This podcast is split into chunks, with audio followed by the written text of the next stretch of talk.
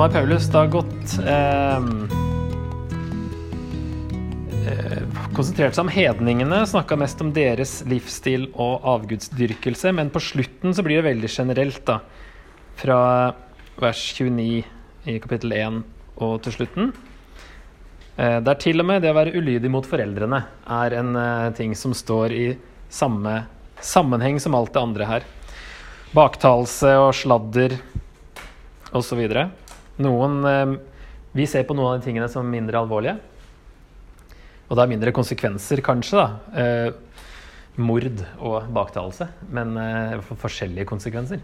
Men det er likevel et tegn på at ingen er uskyldig. Alle er skyldig, selv om du bare har baktalt en eneste gang. Og så snur han på en måte snakke om om hennes litt mer til jødene, virker det som, i kapittel 2. Og man kan se på det her som kapittel 1 er den bortkomne sønnen, mens kapittel 2 er storebroren som var hjemme, som eh, dømmer han som var mye verre. Og her har vi jødene som eh, har loven, og derfor tenker at vi kjenner jo Gud. Vi, noen av de tenkte nok at de var frelst fordi de hadde loven. Um, og Paulus vil nå undergrave deres um, si, grunnlag for at de tror at de er frelst ved at de har loven. Men han sier at det hjelper ikke å ha loven, det må holde loven. Ellers så um, er det jo ubrukelig. jeg ser at det er ikke alt som er like relevant. Gud gjør ikke forskjell på folk, det er jo relevant. I vers 11. Og der er det også et 'for' som, egentlig, som er utelatt her. da. For Her står det 'for', ja, men i vers 12 er det et 'for'. Men for Gud er det ikke forskjell på folk, og det han har snakka om over, er at han dømmer etter livsførsel uansett hvem vi er, i kapittel 6, nei, vers 6-10, uavhengig av Mosloven, som er det som kommer etterpå. Uans, altså, det kommer an på hva vi gjør, og det som er tatt med i vers 7, da er at den som søker herlighet, ære og uforgjengelighet, den oppnår frelse. Men den som, eh, den som i selvgodhet er ulydig mot sannheten og lar seg lede av uretten, har vrede og harme i vente. Eh, så handler det ikke om at vi må gjøre ting for å bli frelst, selv om det høres sånn ut akkurat der. Men det handler om det som Jakob snakker om, at gjerninger som viser at troen er levende. At vi strever etter, eller vi jager etter det gode fordi vi ønsker å bli som Gud i vår karakter. Fordi herlighet, ære og uforgjengelighet fins bare hos Gud og i et liv med Gud. Så det er ikke det at gjerninger plutselig blir det man dømmes ut fra her, selv om det høres litt sånn ut. Men det er det, hvordan det viser seg i livet. For Gud gjør ikke forskjell på folk. For alle som syndet uten loven, skal gå fortapt uten loven. Alle som syndet under loven, skal dømmes etter loven. Så Gud dømmer likt uansett. Um, alle er skyldige, uansett om de har loven eller ikke. Jødene kan ikke rose seg av å ha loven og tro det frelser dem. Alle er syndere uansett om man har loven eller ikke. Si, er det interessant fra, fra vers 6 og videre utover, da? Eller fra 12 nå, da? 13, kanskje. For det er ikke de som hører lovens ord, som blir rettferdige for Gud. Nei, de som gjør det loven sier, de skal kjennes rettferdige. For når hedninger som ikke har loven, av naturen gjør det den sier, er de sin egen lov, enda de ikke har loven. De viser med dette at lovens krav står skrevet i hjertet deres. Om det vitner også samvittigheten deres når tankene deres anklager eller forsvarer dem. Dette skal bli klart den dagen Gud ved Jesus Kristus dømmer det skjulte i menneskene, slik jeg har forkynt i mitt evangelium. Så hedninger som ikke har loven, gjør det den sier viser at lovens krav står skrevet i hjertet deres. Om det vitner også samvittigheten deres. Det er det vi har snakka om så langt. At man trenger ikke å ha Mosloven for å vite noe grunnleggende om Guds vilje, fordi alle har moral. Alle vet forskjell på rett og galt. Det er ikke alltid at man er enig i hva som er rett og galt, men alle vet forskjell på rett og galt. At vi kan kalle noe for ondt i det hele tatt. ikke sant? For det kan man ikke som ateist med verdenssynet sitt i behold. Men det som jeg synes er veldig interessant, som Paulus kommer til nå, er jo det når, vi, når søkelyset snus litt på oss, da kanskje. Vi som er eh, Som tror at vi er bedre enn alle de andre utenfor. Sant? Det er det Paulus gjør. Han snur søkelyset på jødene, som eh, tross alt har vært Guds folk i alle år. Hadde Guds lov, var ikke minst omskåret. Hey. Ikke sant? og alt det de la i det, og tenkte at, eh, at eh, vi er da i hvert fall bedre enn alle de andre i kapittel 1. Og så sier Paulus at nei, det er dere ikke. Derfor har du ingen unnskyldning, du menneske som dømmer, hvem du enn er. For når du dømmer en annen, fordømmer du deg selv. Det er kanskje det siste kapittel 1 han snakker om. da. At der tror jeg alle mennesker havner inn under den lista der. Alle har en eller annen gang vært ulydige mot foreldrene, i hvert fall. Men uh, mye annet. Falskhet, sladder, umoral generelt, grådighet, baktalelse, ut ondskap. Uforstandige, upålitelige, ukjærlige, ubarmhjertige. Og så sier han at ah, det nytter ikke å dømme folk for det, for da dømmer du deg sjøl. Fordi ingen klarer det der. Um, og så er det det vi så på nå i stad, at Gud dømmer rettferdig ut fra hva vi har gjort. Og så er det hvordan vi lever, og det, hvordan vi lever, gjenspeiler hva vi tror på. sant? Og I vers 17 sier han tydelig Og nå, du som kaller deg jøde, du stoler på loven og er stolt av din Gud. Du kjenner hans vilje og, kan, og kan avgjøre hva som er rett. Fordi du er opplært i loven. Ja, det er, det er, sant, det. Altså, du har Guds vilje i loven. Du er overbevist om at du kan være en veileder for blinde, et lys for dem som er i mørket, en oppdrager for uforstandige og en lærer for umyndige, fordi du i loven har det rette uttrykk for kunnskap og sannhet. Ja. Men du som vil lære andre, hvorfor lærer du deg ikke det selv? Hvorfor lærer du ikke deg selv? Du som forkynner at en ikke skal stjele, stjeler du? Du som sier at en ikke skal bryte ekteskapet, bryter du ekteskapet? Du som avskyr avgudene, plyndrer du templene deres? Den er litt sånn uklar hva han mener. Du som er så stolt av loven, du vanærer Gud ved å bryte loven. Det står skrevet 'Guds navn blir spottet blant hedningene på grunn av dere'. Og så snakker han om omskjærelsen gagner deg nok, men bare hvis du holder loven. Og så sier han til slutt at rett jøde, vers 28, rett jøde er ikke den som er jøde i det ytre, men rett omskjærelse og rett omskjærelse skjer ikke i det ytre på kroppen. Jøde er den som er jøde i det indre, og omskåret er den som er omskåret i hjertet. Ved ånden og ikke ved bokstaven. Han får ikke ros av mennesker, men av Gud. Ja, det er litt sånn, Mener Paulus jøder som faktisk tror på Jesus her, eller mener han alle som tror på Jesus? Det er litt forskjellige tolkninger på det. Om vi kan kalle oss for jøder, eller om han fortsatt snakker til jøder og sier at dere er egentlig ikke rett jøde uten at dere tror på Jesus. Så det er litt sånn ja, mulig å ha to syn der. Men jeg syns det var veldig bra det eh, Keller drar fram her i denne sammenhengen om hva vi stoler på. Jødene stolte på loven og omskjærelsen og at de var jøder og hadde, si, vært Guds, eller var Guds folk. Eh, det var det de stolte på, som gjorde at de følte seg kristne. eller i hvert fall eh, de som trodde på Jesus, da, trodde at de hadde et fortrinn. Um, og så syns jeg det, Keller tar oss veldig på kornet når han sier at vi står alle i fare for Eh, Eller at menigheter i dag, kanskje i Vesten, vet ikke om man tenker på hele verden, men i hvert fall jeg kjente meg veldig igjen, i at vi, det er tre grøfter man kan falle i. på en måte. Eh, den første er loviskhet. At man trenger stadig å høre at man er helligere og har riktigere teologi enn andre at de såkalt liberale tar feil. De stoler på sin korrekte teologi. Sånn at korrekt teologi er liksom rettferdigheten. Det er liksom det som er frelsen. Eller kraft. Trenger stadig å ha sterke eller emosjonelle opplevelser og se dramatiske ting skje. De stoler på følelsene sine og på dramatiske bønnesvar. Sterke følelser er lik rettferdighet.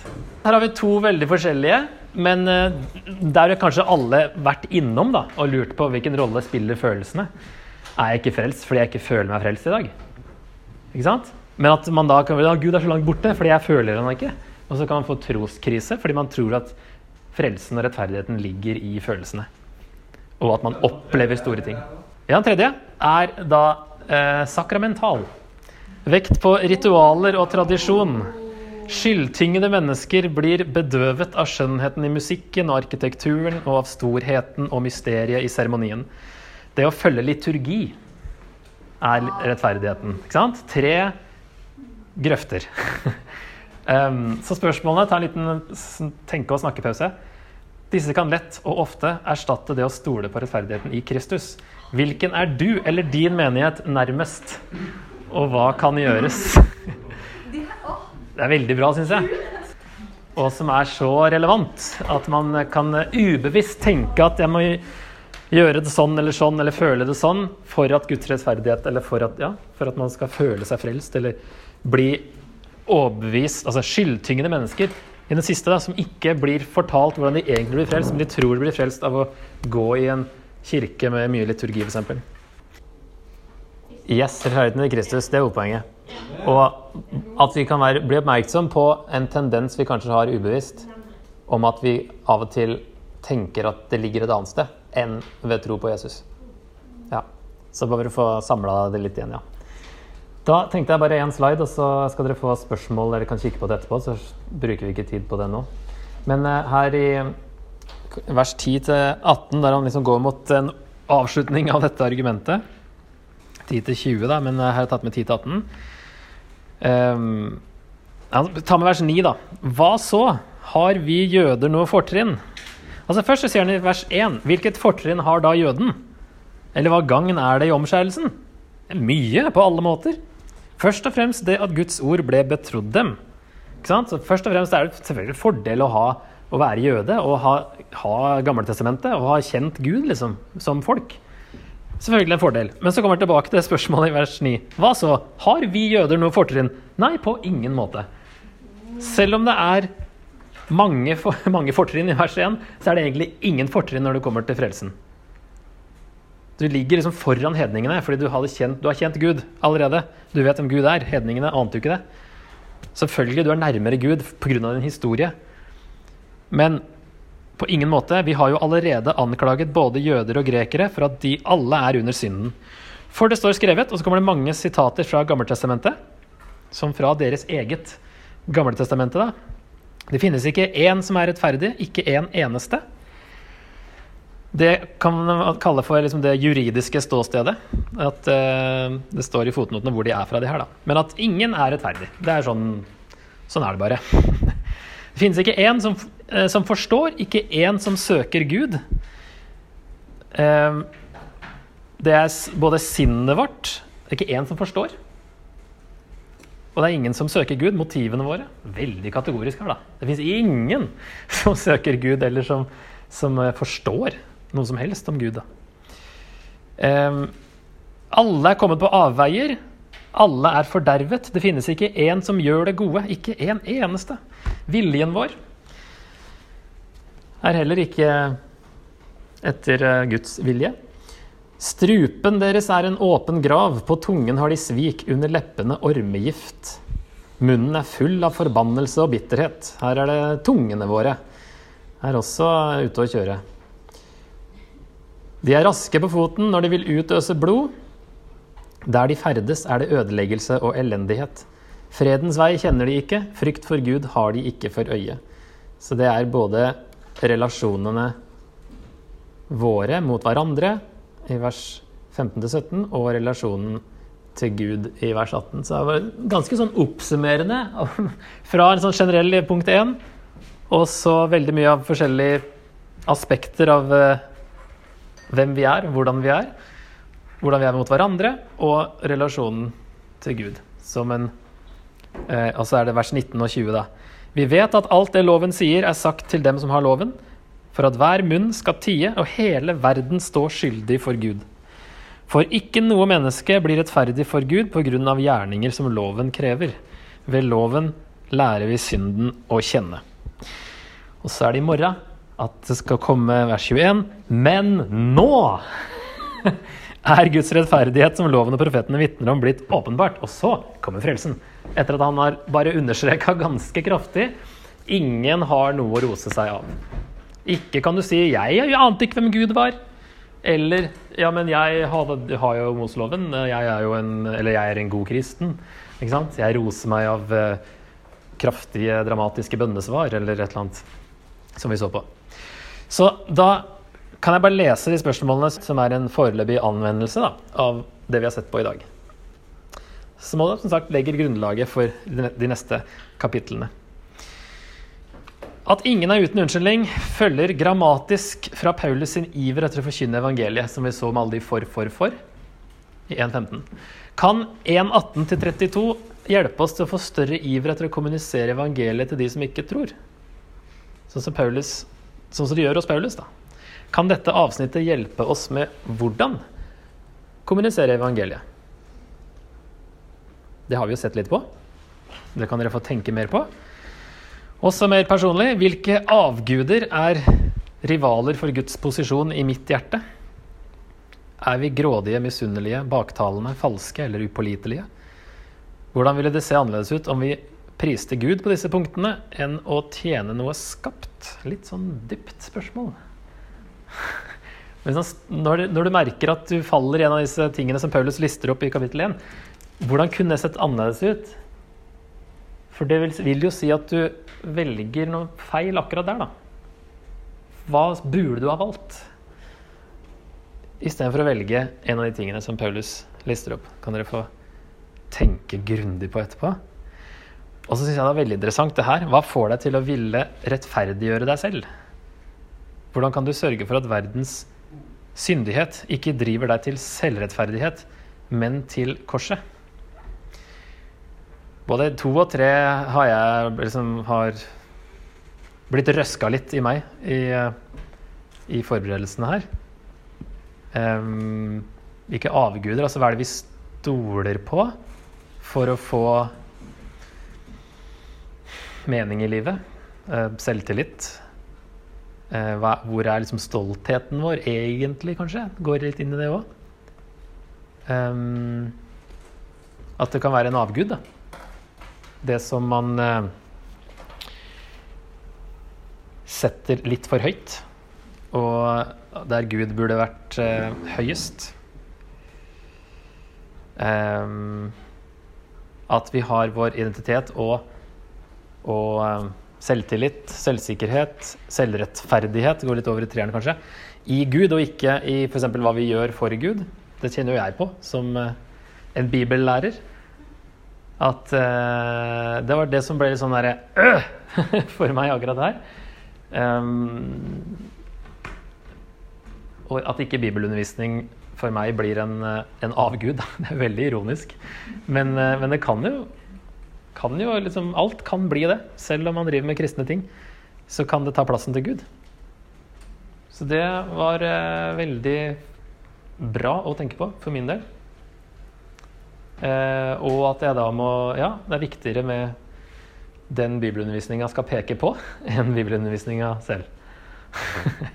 sant? Um, så kan man tenke ja, veldig misunnelig av og til, ikke sant? I, langt nede i hjerterota et sted, på, på, andre som gjør det samme som meg. ikke sant? Som, så har jeg tenkt på egentlig mange år. Det her med Ja, at man sammenligner seg, da. Og kan misunne litt. Så det er sånn man jobber med, og som ble sånn for min del her. Eh, litt eh, irriterende, men eh, mest bra. Og så har jeg tenkt på hva som får meg Når er det jeg vil rettferdiggjøre meg selv? Og det viser jo litt hvor vi har stoltheten vår òg, sant? Å vise at jeg har tenkt rett. eller jeg vil ikke bli oppfatta som at jeg misforsto. Eller når vi stiller et spørsmål, og så har vi kanskje tenkt feil i selve spørsmålet. Og så liksom Ja, nei, fordi jeg eh, Det var jo pga. det og det og det at jeg trodde det var sånn og sånn. ikke sant? At man da må rettferdiggjøre seg sjøl etterpå. ikke sant? Det er litt den der tankegangen der som, som på et eller annet sted langt inni her At jeg ble oppmerksom på det. Um, også det selvfølgelig som, som bibellærer og teolog at jeg må kunne tåle å ta feil, også når det gjelder teologiske tolkninger, observasjoner. ikke sant? Så man kan jo bli liksom sånn jeg må ha alt riktig. Istedenfor å innrømme feil og se på det som læring og være helt Altså synes det er helt greit å ta feil noen ganger. Eller når andre peker på ting hos oss som vi burde endre. Hvordan reagerer vi da? Er det forsvar med en gang? Eller er det Ja, takk for at du peker ut det det er sant. Det burde jeg jobbe med. Eller det må Gud hjelpe meg med, eller noe sånt. For da kanskje vi, hvis vi har det sånn Da er vi kanskje litt som han jøden i kapittel to, at vi ser på oss sjøl som veldig gode mennesker. Og det er kanskje vår selvrettferdighet også. At vi legger eh, liksom frelse nærmest og identitet i at vi er gode mennesker. Og hvis noen kommer og pirker på oss, så det er alvorlig. Da må vi reagere på Eller ubevisst så reagerer vi på kanskje en måte som vi ikke Eller som røper litt, da, hvordan vi tenker.